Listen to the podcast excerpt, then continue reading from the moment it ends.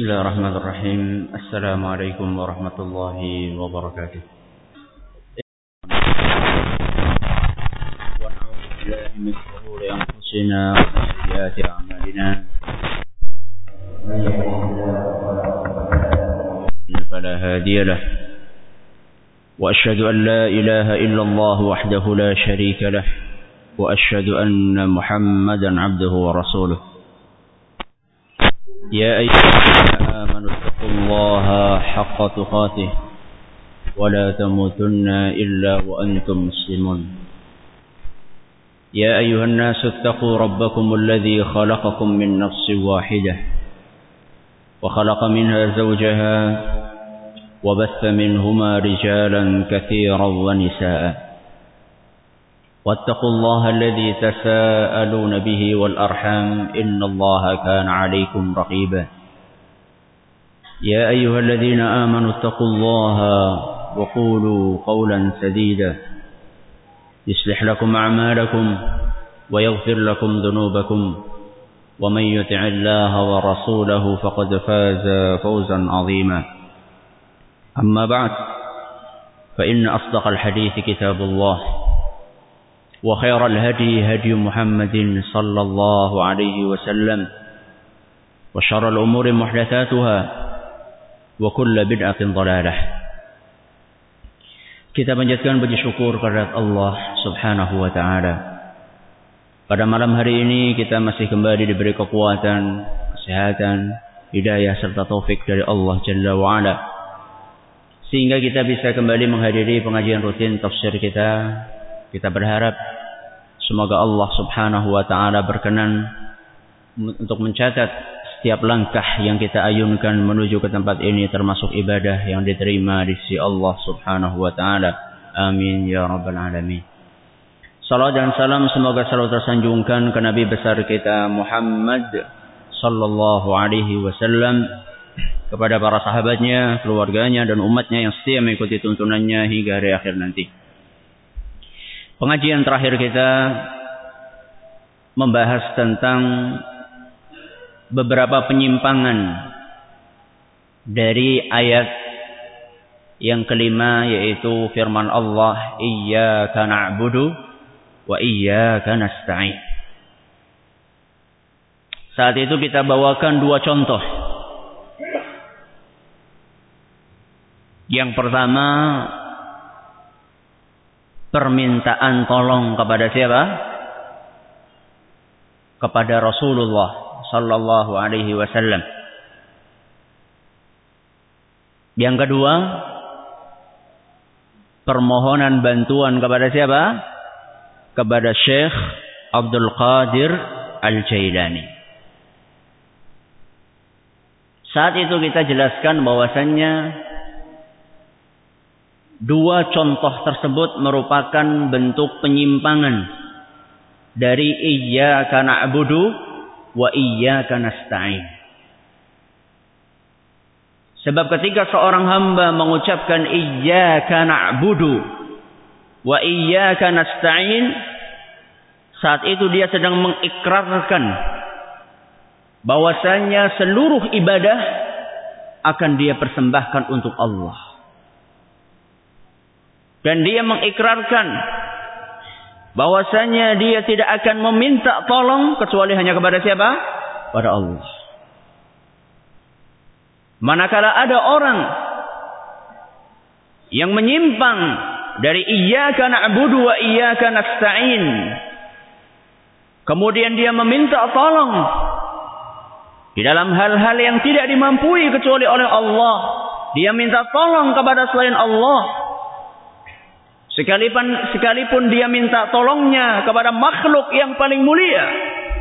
Yaitu Rasulullah sallallahu alaihi wasallam. Ataupun dia meminta tolong kepada para makhluk Allah yang mulia seperti para wali. Maka ini adalah bentuk penyimpangan. Dari iyyaka na'budu wa iyyaka nasta'in. Kemarin kita sudah jelaskan andaikan ada orang yang tidak terima. Kemudian mereka berkata, kalau misalnya kita melarang seseorang meminta tolong kepada Rasul sallallahu alaihi wasallam, berarti orang tersebut tidak mengagungkan Rasul. Berarti orang tersebut tidak apa? Mengagungkan Rasul. Karena kami mengucapkan kalimat-kalimat tersebut sebagai bentuk salawat dan pengagungan kepada Rasul. Kenapa dilarang? Kenapa dilarang? Berarti Anda tidak mengagungkan Rasul SAW. Kemarin kita sudah bantah. Kemarin kita sudah bantah lontaran ini. Siapa yang masih ingat bantahannya? Acung. Hah? Kalau dari sekian banyak enggak ada yang bisa kebangetan ya. Hah? Ya.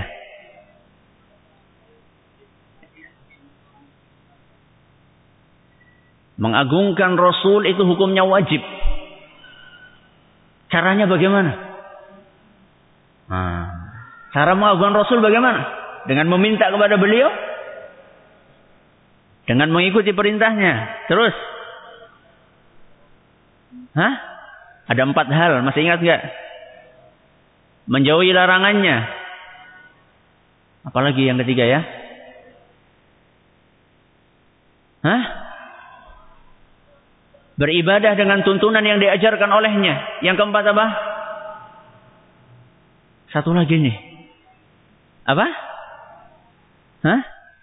membenarkan berita yang disampaikan oleh beliau bagus. Terus di mana bentuk pengagungan Rasul yang berupa meminta kepada Rasul? Gak ada satupun di antara empat hal ini. Dan empat hal ini adalah merupakan bentuk pengagungan kepada Rasul dan seorang yang mengagungkan Rasul Sallallahu Alaihi Wasallam tidak akan keluar dari empat hal ini. Yang pertama adalah menjalankan perintahnya. Yang kedua menjauhi larangannya. Yang ketiga membenarkan berita yang disampaikan oleh beliau.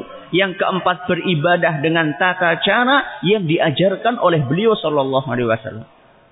Dan tidak ada satupun dari dari di antara empat hal ini yang menunjukkan bahwasanya pengagungan Rasul adalah dengan cara meminta kepada beliau. Justru sebaliknya, Rasul sallallahu Alaihi Wasallam melarang kita untuk apa? Untuk mengagungkan beliau secara berle berlebihan. Ada yang ingat hadisnya? Ah, ada yang ingat hadisnya? Kalau Arabnya nggak bisa, terjemahannya. Siapa yang masih ingat terjemahannya hadisnya? Atau mungkin ada yang hafal Arabnya? Hah? Ngacung? Gak ada nih? Ya.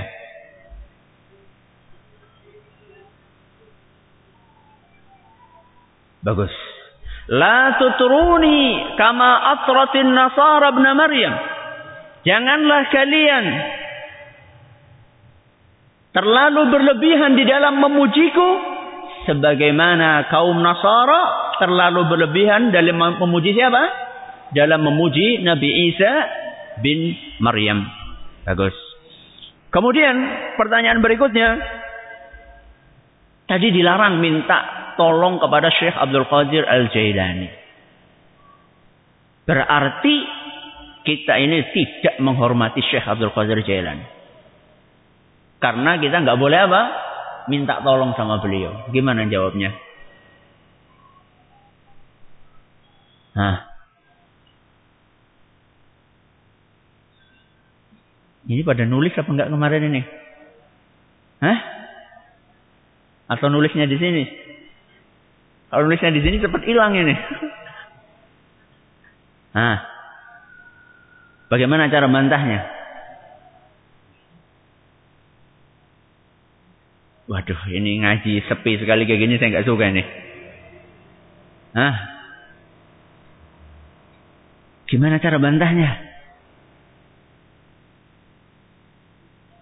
Nyerah nih, nggak ada yang jawab ini. Hah? Saya hitung sampai sepuluh. Jawabannya, siapakah yang menghormati Syekh Abdul Qadir Jailani? Apakah orang yang mengikuti nasihatnya atau orang yang tidak mengikuti nasihatnya? yang mengikuti nasihat nasihatnya. Orang yang menghormati Syekh Abdul Qadir Jailani adalah orang-orang yang setia mengikuti nasihat yang disampaikan oleh beliau. Bukan orang yang tidak taat kepada nasihatnya. Apa nasihat beliau? Nasihat beliau sebagaimana kita sampaikan pada pengajian yang telah lalu. Akhlisu lillahi wa la tushriku. Ikhlaskanlah ibadah kalian hanya untuk Allah dan janganlah kalian berbuat syirik. Subhanallah. Nasihatnya siapa? Syekh Abdul Qadir Jailani. Dan beliau berkata, "Saluhu wa la tas'alu ghairahu." Mintalah kalian kepada Allah dan jangan minta kepada selain Allah. Siapa ini yang menyuruh kayak gitu? Syekh Abdul Qadir Al-Jilani. Dan beliau juga berkata, "Ista'inu bihi wa la tasta'inu bi ghairihi." Mintalah tolong kepada Allah, jangan minta tolong kepada selain Allah. Nah, sekarang siapa yang menghormati Syekh? Nah, yang taat sama nasihat ini atau yang enggak taat? Nah, yang menghormati adalah orang yang taat dengan nasihatnya beliau. Ini adalah pembahasan tentang ayat yang kelima. Pada malam ini kita akan memasuki pembahasan tentang ayat yang keenam. Di antara surat Al-Fatihah. Yaitu ayat yang berbunyi apa? Ihdinas siratal mustaqim. Ihdinas siratal mustaqim. Tunjukilah kami jalan yang apa? Yang lurus. Kalau kita cermati ayat ke-6 ini isinya adalah doa. Iya enggak? Iya apa enggak? Ihdina wahai Rabbi tunjukilah kami as-siratal mustaqim, jalan yang lurus. Isinya doa. Iya betul ya? Coba kita pikirkan kembali, kita buka lembaran ayat pertama sampai ayat yang kelima. Ada doanya enggak dari ayat pertama sampai kelima? Ada isi permohonan apa enggak? Bismillahirrahmanirrahim. Dengan nama Allah yang maha pengasih lagi maha penyayang. Alhamdulillahi Rabbil Alamin. Segala puji bagi Allah. Ar-Rahmanir Rahim. Yang maha pengasih lagi maha penyayang. Terus apa? Maliki yaumiddin. Penguasa hari pembalasan. Iyyaka na'budu wa iyyaka nasta'in. Hanya kepada mulah kami beribadah dan hanya kepada mulah kami meminta tolong. Ini ayat pertama sampai ayat kelima. Ada nggak doa di dalamnya? Hah? Nggak ada. Nggak ada ya? Yakin? Berarti pertama kali muncul doa di ayat yang keberapa? Yang keenam. Kenapa? Kok kita tidak minta kepada Allah dari ayat pertama? Mengapa kita memulai dengan pujian, pujian, pujian, pujian kepada Allah? Kenapa? Etika. Bagus. Kita sedang diajari etika berdoa sama Allah. Nah, kalau misalnya ada pengemis, nah, atau katakanlah ada seorang yang mau mengajukan proposal. Proposal minta bantuan. Apa halaman pertama langsung? Pak Bupati, kami butuh duit. Gitu. Iya. Hah? Enggak. Mesti di apa dulu? Hah? Disanjung-sanjung dulu. Supaya apa? Hah? Supaya proposalnya apa? Gol. Supaya proposalnya dikabulkan. Itulah etika. Andaikan dengan manusia saja, sebelum kita minta, kita puja dan puji, orang yang kita mintai, Allah subhanahu wa ta'ala lebih berhak untuk kita puja dan puji. Jadi susunan surat Al-Fatihah ini mengajarkan kepada kita salah satu etika dalam berdoa. Jadi kalau orang mau berdoa kepada Allah, jangan tiba-tiba langsung apa? Langsung minta. Wahai Allah, berilah saya rizki yang banyak.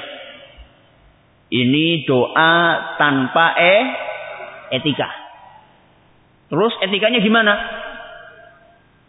Hah? Etikanya gimana? Wahai Rabbi. Bagaimana cara kita memuji Allah ini? Hah? Dengan menyebutkan apa?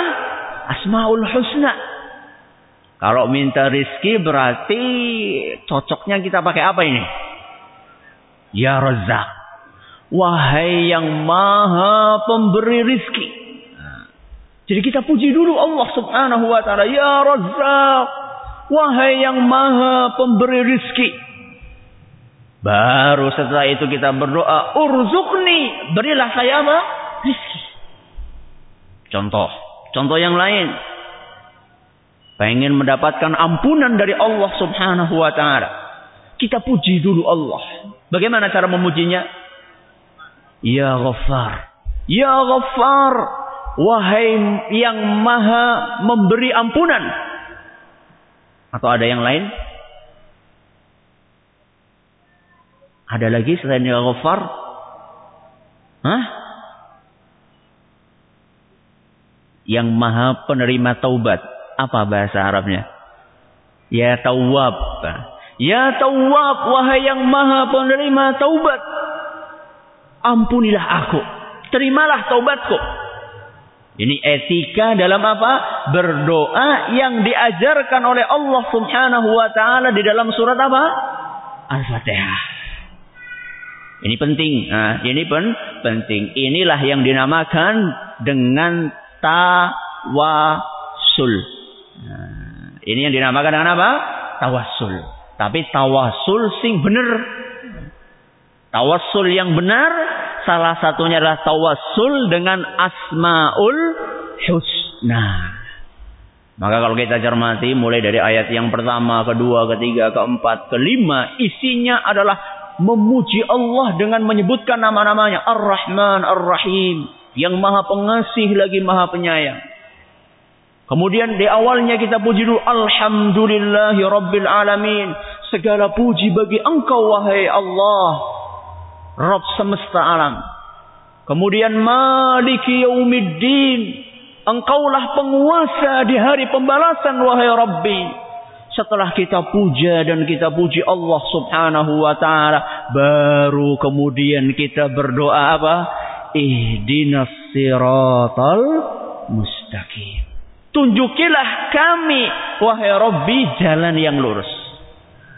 Ihdina tunjukilah kami.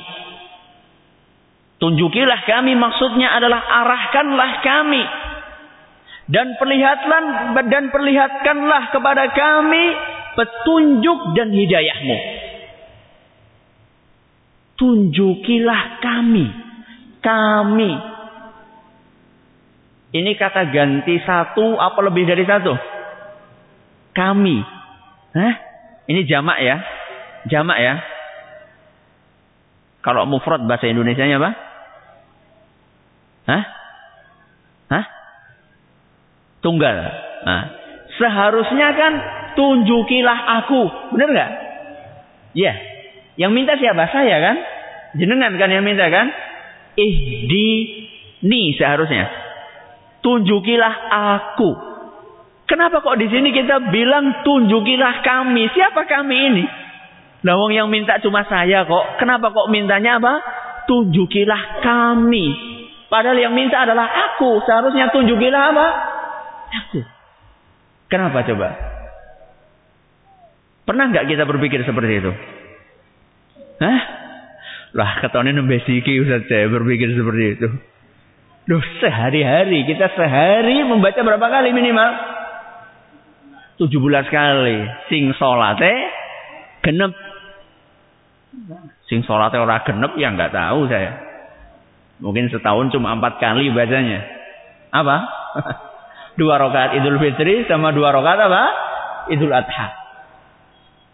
Kenapa kok kita ihdina, tunjukilah kami, bukan tunjukilah aku. Kenapa? Ada yang bisa jawab? Kenapa? Nah, saya ajak jamaah sekalian untuk berpikir. Kenapa? Apakah ada rahasia di balik ini? Ada rahasianya enggak? Apa hanya sekedar kebetulan? Hah? Gak mungkin. Al-Quran itu gak ada di dalamnya yang namanya kebe kebetulan. Gak mungkin. Mesti ada apanya? Mesti ada rahasianya. Apa rahasianya? Jawabannya kita mulai pakai kata ganti kami itu sejak ayat yang keenam atau sejak ayat yang kelima? Hah? Sejak ayat kelima. Bunyinya apa ayat kelima? Iya karena bodoh. Hanya kepadamu lah wahai Robbi apa? Kami. Bukan aku ya. Kami beribadah. Dan hanya kepadamu ia akan nasta'in dan hanya kepadamu lah wahai Rabbi kami minta tolong. Berarti kita sudah menggunakan kata ganti kami sejak ayat yang kelima. Kenapa kita nggak berpikir dari kemarin ya? Sejak kita membahas ayat yang kelima. Jawabannya adalah karena momennya. Momennya saat ini adalah pengagungan Allah Subhanahu wa taala. Jadi kita sedang mengagungkan kepada Allah. Dan kita sedang berkata kepada Allah, "Iyyaka na'budu." Wahai Rabbi, kami segenap manusia. Nah, bukan hanya saya. Kami segenap manusia itu hanya beribadah kepadamu dan hanya minta tolong kepadamu. Dan kami segenap manusia hanya memohon kepadamu untuk mendapatkan petun petunjuk kepada jalan yang lu yang lurus. Jadi di sini kita sedang menunjukkan kepada Allah bahwasanya yang membutuhkan petunjukmu kepada jalan yang lurus itu bukan hanya siapa? Bukan hanya saya, tapi saya, saudara-saudara saya dan seluruh manusia semuanya itu membutuhkan petunjukmu wahai Rabbi. Maka nggak cocok kalau misalnya kita katakan apa? Tunjukilah aku karena yang butuh petunjuk bukan hanya siapa? Bukan hanya aku. Yang butuh petunjuk adalah tetanggaku, saudaraku, bapakku, ibuku, seluruh manusia membutuhkan petunjuk Allah. Makanya kita pakai kata ganti kami. Dan ini persis seperti seorang rakyat yang ingin memuji raja. Kalau ada seorang rakyat pengen memuji rajanya. Kira-kira dia ngomongnya gimana? Wahai raja, aku rakyatmu akan taat kepada seluruh perintahmu. Gitu. Hah? Siapa kamu? Kamu itu cuma satu orang. Hah? Tapi caranya gimana kalau memuji raja? Kami. Ya. Kami rakyatmu. Yani kami semuanya, rakyatmu itu banyak wahai Robbi, nggak cuma satu, nggak cuma saya. Rakyatmu itu banyak dan semua rakyatmu itu akan taat kepadamu. Itu kalau rakyat ingin memuji siapa? Ingin memuji rajanya. Kalau misalnya bilangnya aku rakyatmu, itu bukan pujian, itu malah apa? Itu malah celaan. Karena apa? Karena seakan-akan dikesankan bahwasanya yang minta itu hanya apa? Hanya satu orang. Seakan-akan rakyatnya hanya satu orang. Padahal sebenarnya rakyatnya banyak. Begitu pula kita. Ketika kita meminta tolong kepada Allah subhanahu wa ta'ala. Ketika kita mengikrarkan bahwasanya kita itu hanya beribadah kepada Allah. Dan hanya meminta tolong kepadanya. Maka satu kita tunjukkan bahwasanya yang melakukan ini bukan hanya aku. Tapi apa? Kami seluruh manusia membutuhkan petunjuk darimu. Ihdina tunjukilah kami as-siratal mustaqim. Jalan yang apa? Yang lurus. Jalan yang lurus, kata Imam At-Tabari, adalah jalan yang jelas. yang tidak ada belak-beloknya. Jalan yang lurus adalah jalan yang jelas. Yang tidak ada lika-likunya. Lurus. Apa makna jalan yang lurus di sini? Apa maksudnya jalan yang lurus di sini? Jalannya para nabi. Ada lagi jawaban yang lain? Siapa yang menafsirkan seperti itu? Nah, ada jawaban lain? Jalan yang lurus ini maksudnya apa? Islam. Kata siapa? Jawabannya kata Nabi Shallallahu Alaihi Wasallam. Jawabannya apa? Kata Nabi Shallallahu Alaihi Wasallam dalam suatu hadis yang diriwayatkan oleh Imam Ahmad dan dinyatakan sahih oleh Imam Al Hakim, Nabi kita Shallallahu Alaihi Wasallam bersabda, wasiratu al Islam. Jalan yang lurus adalah agama apa? Islam. Jadi yang menafsirkan Al-Quran siratal mustaqim dengan agama Islam itu siapa? Rasul SAW. Kalau yang menafsirkan Rasul sudah sendiri apa? Sendiri dawuh. Sami'na wa ata'na. Karena yang menafsirkan adalah orang yang punya otoritas tinggi dalam menafsirkan. Yaitu siapa? Rasul Sallallahu Alaihi Wasallam. Kita kalau maknanya siratul mustaqim itu agama Islam, kita sudah beragama Islam belum? Hah? Sudah apa belum? Kok nggak ada ya? Kok ragu-ragu jawabnya? Sudah apa belum? Sudah. Iya. Kita sudah beragama Islam semuanya. Kenapa kita minta ditunjukkan ke dalam agama Islam?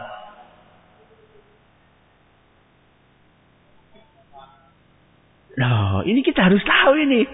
Tadi katanya ihdinas siratal mustaqim, tunjukilah kami jalan yang lurus. Jalan yang lurus itu agama Islam. Kita sudah beragama Islam. Kenapa kita minta ihdina lagi? Kenapa kita minta ditunjukkan kepada jalan yang lurus lagi? Lawang kita sudah berada di jalan yang lurus kok. Kalau yang berdoa itu non muslim member, nah, karena dia memang belum sampai ke jalan yang lurus. Sedangkan kita sudah ada di, di atas jalan yang lurus. Kenapa kita minta lagi? Apa kita ragu dengan keislaman kita? Hah? Enggak. Kita yakin karena di KTP kita agamanya apa? Islam. Dari kecil kita sudah beragama Islam. Yakin kita beragama Islam. Kenapa kita minta lagi supaya ditunjukkan kepada jalan yang lurus? Kesempurnaan. Bagus. Ada jawaban lain? Apa? Bimbingan. Ada jawaban lain? Silahkan. Ini jawaban-jawaban yang bagus ini. Kalau kayak gini saya senang ini. Nah, Apalagi kira-kira maknanya? Menghindarkan diri penyimpangan-penyimpangan. Bagus. Jawaban yang pertama belum disebutkan. Kenapa kita minta supaya ditunjukkan kepada jalan yang lurus? Satu, karena Allah memerintahkan. Nah, ini jawaban yang paling mudah. Karena Allah memerintahkan kepada kita supaya minta ditunjukkan kepada jalan lurus kita taat. Ini jawaban yang pertama. Jadi kalau ditanya kenapa kita minta lagi supaya ditunjukkan kepada jalan yang lurus, jawabannya satu, karena Allah memerintahkan kita untuk minta hal itu. Yang kedua, karena kebutuhan kita terhadap hidayah sangat besar. Siang, malam, setiap saat kita butuh apa? Hidayah. Hidayah kepada jalan yang lurus Bukan hanya butuh hidayah, kita butuh selalu ditambah hidayah. Bukan hanya itu, kita butuh supaya istiqomah di atas apa? Hidayah, yaitu di atas jalan yang lu yang lurus. Makanya kita setiap hari minta supaya ditunjukkan kepada jalan yang lurus karena kita seling belak be belok. Iya Pak ya? Iya. Kita kadang-kadang sholatnya masih malas-malesan. Kalau kita sholat malas ini berarti kita bukan berada di atas jalan yang apa? Yang lurus. Kita sedang apa? Sedang belok ini, sedang menyimpang dari jalan yang lurus. Maka kita minta kepada Allah, wahai Rabbi, tunjukkan saya kepada jalan yang lurus. Kembalikan saya ke jalan yang lurus. Belok, balik lagi ke jalan yang lurus. Kalau kita sedang melakukan perbuatan dosa, itu maknanya kita itu sedang apa? Menyimpang dari jalan yang lurus. Maka kita minta, ya Rabbi, tunjukilah kami jalan yang lurus. Kembalikan kami ke jalan yang lurus. Jadi, petunjuk itu banyak tingkatannya. Kata Imam Ibn Qayyim, petunjuk itu terdiri dari sepuluh tingkatan. Berapa? Sepuluh tingkatan. Barang siapa yang bisa meraih sepuluh tingkatan ini, berarti saat itu dia telah mendapatkan petunjuk jalan yang lurus yang sempurna. Tapi kalau misalnya dia baru dapat tingkatan pertama, tingkatan kedua, belum nyampe tingkatan ke sepuluh, berarti petunjuk yang dia dapatkan itu belum sempurna. Apa sepuluh itu? Yang pertama, petunjuk untuk menemukan ilmu. Petunjuk untuk menemukan ilmu. Ini yang pertama. Jadi kalau misalnya ada orang dia masih bingung di manakah kebenaran, berarti dia belum mendapatkan petunjuk tingkatan pertama. Kalau dia diberikan petunjuk itu ilmu ada di sana. Yaitu Al-Quran dan Sunnah Nabi Sallallahu Alaihi Wasallam dengan pemahaman para sahabat beliau, maka saat itu berarti kita telah meraih petunjuk tingkatan pertama. Kalau kita sudah menemukan di mana ilmu, maka kita butuh petunjuk tingkat kedua. Apakah itu? Petunjuk agar diberi kemampuan dan kekuatan untuk mencari ilmu tersebut. Petunjuk agar diberi kemampuan dan kekuatan untuk mencari ilmu tersebut. Ilmunya sudah tahu tempatnya di sana, di Masjid Agung misalnya. Tapi kita nggak diberi kekuatan sama Allah untuk berjalan ke sana. Akhirnya kita mendingan di mana? Mendingan di rumah. Malas jalan ke sini. Tidak diberi kekuatan oleh Allah. Ini yang kedua. Kalau orang sudah punya kekuatan, dia masih membutuhkan yang ketiga. Petunjuk agar diberi kemauan. Belum tentu orang yang kuat itu ma mau. Banyak sekali orang yang pinter, lebih pinter dari kita semua. EQ-nya lebih tinggi dari kita semua. Tapi dia nggak mau belajar. Nggak mau mencari ilmu. Kalau kita diberi oleh Allah karunia kemauan untuk mencari ilmu tersebut, berarti kita telah mencapai tingkatan yang berapa? Yang ketiga. Yang keempat. Sudah mau, sudah mampu dan sudah mendapatkan ilmu, yang kita butuhkan yang keempat adalah petunjuk agar kita mengamalkan ilmu tersebut. Jadi nggak cukup Nah, orang punya ilmu nggak cukup. Dia harus mengikuti setelah punya ilmu apa? Diamalkan. Wah, kalau bicara masalah ake-akean ilmu, wakeh orang yang punya ilmu. Betapa banyak orang yang punya gelar. S1, S2, S3, S teler. Sampai teler dia punya ilmunya. Tapi sholat beora ke, Subhanallah. Sarjana Ora gelem salat iki priwe iki? Saking kakean ilmu jadi apa? Enggak mengamalkan ilmunya. Orang yang seperti ini enggak dapat petunjuk. Karena dia cuma punya ilmu dan dia tidak mengamalkan ilmunya. Ini yang keberapa? Yang keempat. Yang kelima, petunjuk agar istiqomah ketika mengamalkan ilmu. Petunjuk agar apa? Istiqomah. Kita kalau baru dapat nasihat tentang sholat, masya Allah,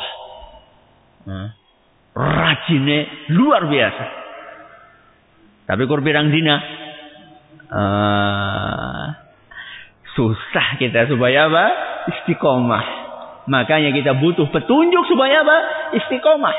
Gak cuma punya ilmu, tapi bukan cuma mengamalkan ilmu, tapi juga kita minta kepada Allah supaya diberi petunjuk istiqomah ketika mengamalkan ilmu.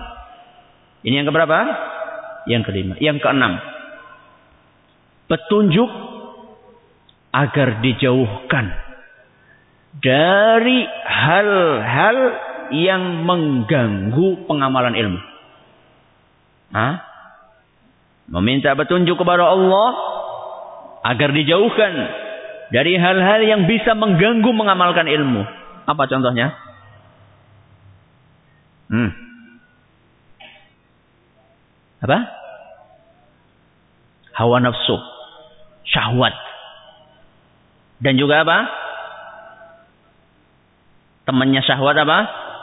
Subhat. Nah, ini dua dua hal pokok yang menghalangi seorang mengamalkan ilmu. Sudah tahu bahwasanya tauhid yang benar nu kayak gini syahwat kedudukan di masyarakat menghalangi dia untuk mengamalkan tauhid. Wah, kita keras ki, angel ki.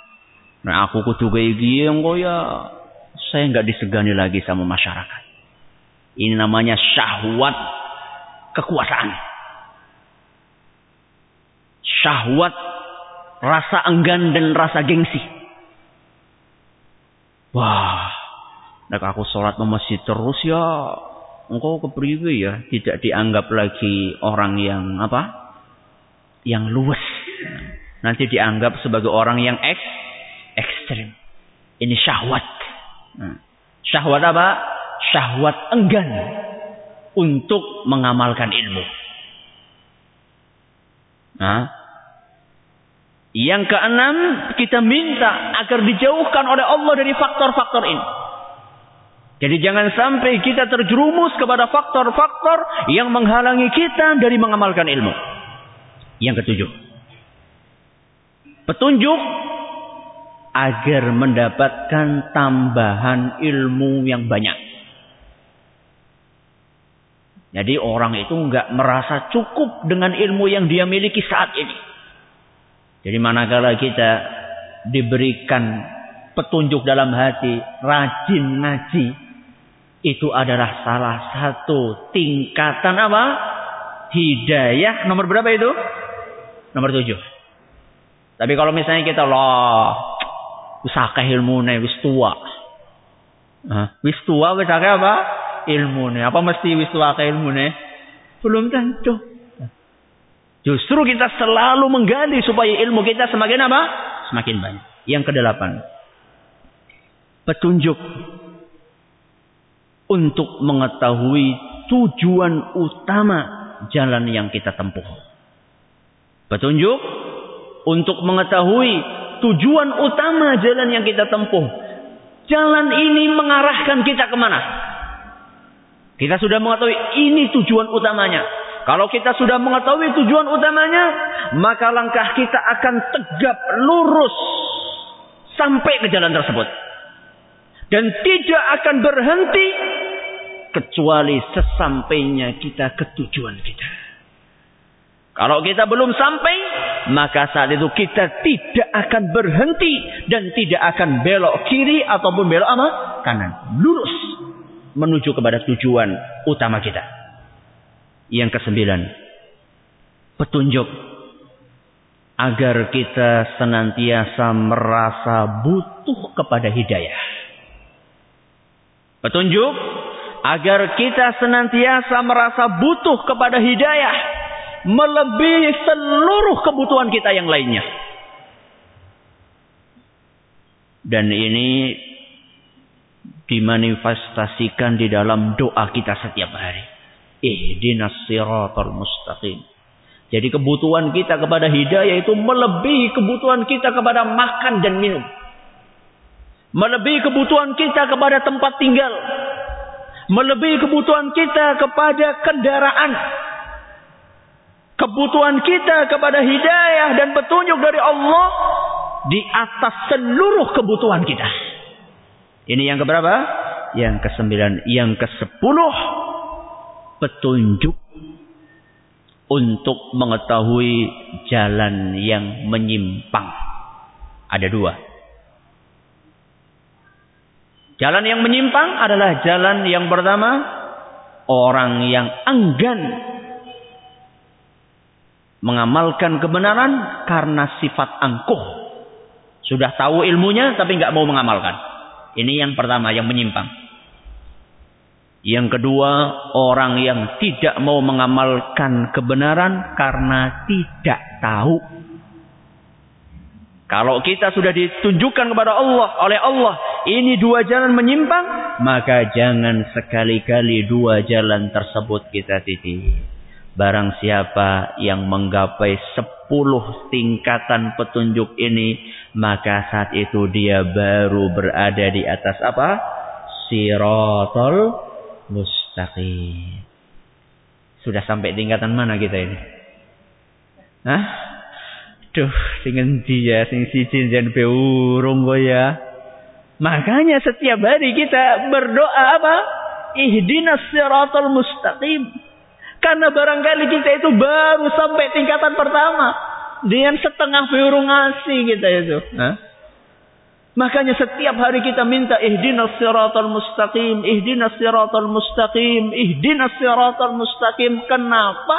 Karena kita itu membutuhkan jalan yang apa? Yang lurus dan seluruh tingkatannya yang ada sepuluh tadi dan kita akan lanjutkan pada pengajian yang akan datang insyaallah sebelum kita tutup pada pertanyaan. Nah, ada pertanyaan? Ini masih ada lanjutannya ini. Waktunya nggak cukup. Ya. Apa? Tawasul yang syar'i dan yang tidak. Wah, ini butuh pengajian. Satu pengajian ini. Nggak cukup ini sekarang.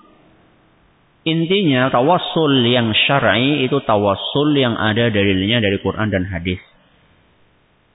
Tawassul yang tidak syar'i itu tawassul yang enggak ada dalilnya dari Quran dan hadis atau ada hadisnya tapi hadisnya apa? lemah. Itu tawassul yang tidak syar'i. Contohnya banyak. Kalau tawassul yang syar'i itu bisa dibagi menjadi tiga. Yang pertama tawassul dengan asmaul husna. Yang kedua tawassul dengan amal soleh kita. Hah? Yang ketiga tawassul dengan doanya orang soleh yang masih hidup. Nah ini tiga jenis tawassul yang apa? Yang syar'i.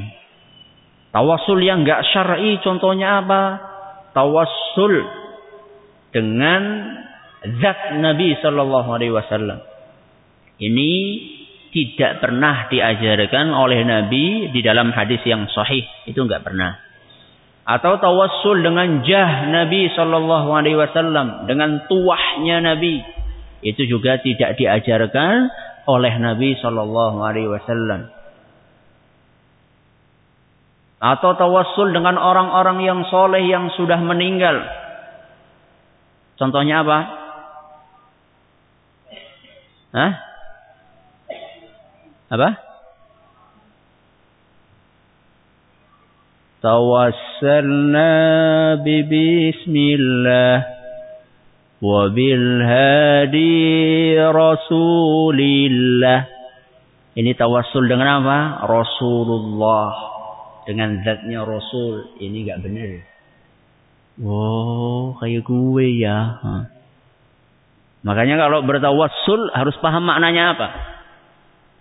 Hah? Dan ada juga tawassul dengan para sahabat ahli badar. Nah, ini juga tidak termasuk tawassul yang diajarkan oleh Rasul Sallallahu Alaihi Wasallam. Ada lagi? Ya.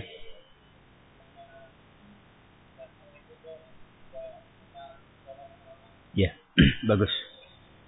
Kemarin kita sudah bahas. Minta tolong kepada makhluk dalam hal-hal yang dia mampu itu boleh nggak? Boleh. Kenapa? Sahabat Nabi yang sudah membaiat Rasul, mereka ketika pecutnya jatuh, mereka tidak minta tolong kepada siapa? Yang lainnya. Padahal itu mampu dikerjakan oleh manusia. Kenapa? Jawabannya karena tingkat tawakal mereka sudah sangat tinggi. maka mereka tidak mau tergantung sampai kepada makhluk dalam sesuatu yang dia mampu, tidak mau. Dan ini adalah tingkat tawakal yang sangat tinggi kalau kita mau silahkan dicoba di dalam kehidupan kita sehari-hari dan itulah tingkat tawakul yang sangat sempurna meninggalkan sesuatu yang sebenarnya boleh karena ketergantungan hanya kepada Allah Subhanahu wa taala. Atas segala perhatian yang kami ucapkan terima kasih. Atas segala kekurangan kami mohon maaf yang sebesar-besarnya. Subhanakallahumma wa bihamdika asyhadu an la ilaha illa anta astaghfiruka wa atubu ilaik. Wassalamu warahmatullahi wabarakatuh